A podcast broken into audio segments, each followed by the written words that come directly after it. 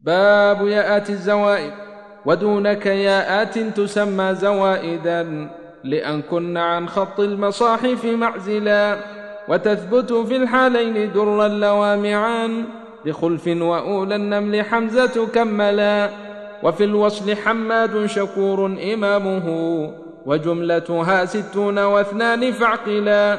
فيسري إلى الداعي الجوال المنادي يهديا يؤتيا مع أن تعلمني ولا وأخرتني الإسرى وتتبعا سما وفي الكهف نبغي يأتي في هدى رفلا سما ودعائي في جناح الوهده وفي اتبعوني أهدكم حقه بلا وإن ترني عنهم تمدونني سما فريقا ويدعو الداعي هاك جلا حلا.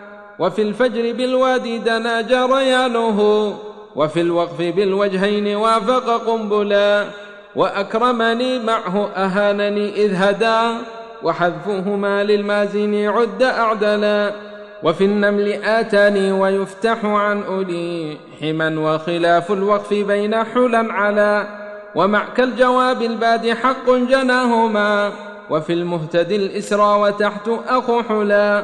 وفي التابع في آل عمران عنهما وكيدوني في الأعراف حج ليحملا بخلف وتؤتني بيوسف حقه وفي هدى تسألني حواريه جملا وتخزوني فيها حج أشركتموني قد هداني اتقوني يا أولي اخشوني معولا وعنه وخافوني ومن يتق زكا بيوسف وافك الصحيح معللا وفي المتعالي دره والتلاق والتنادي درى باغيه بالخلف جهلا ومع دعوة الداعي دعاني حلا جنان وليس لقالون عن الغر سبلا.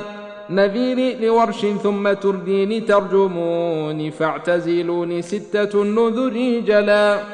وعيدي ثلاث ينقذوني يكذبوني قال نكيري أربع عنه وصلا.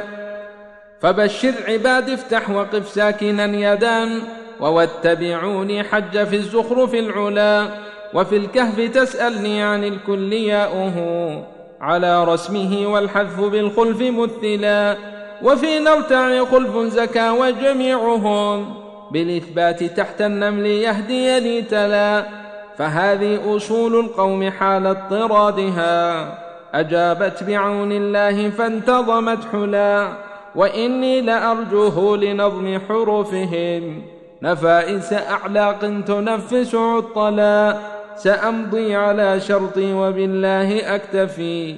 وما خاب ذو جد إذا هو حسبلا.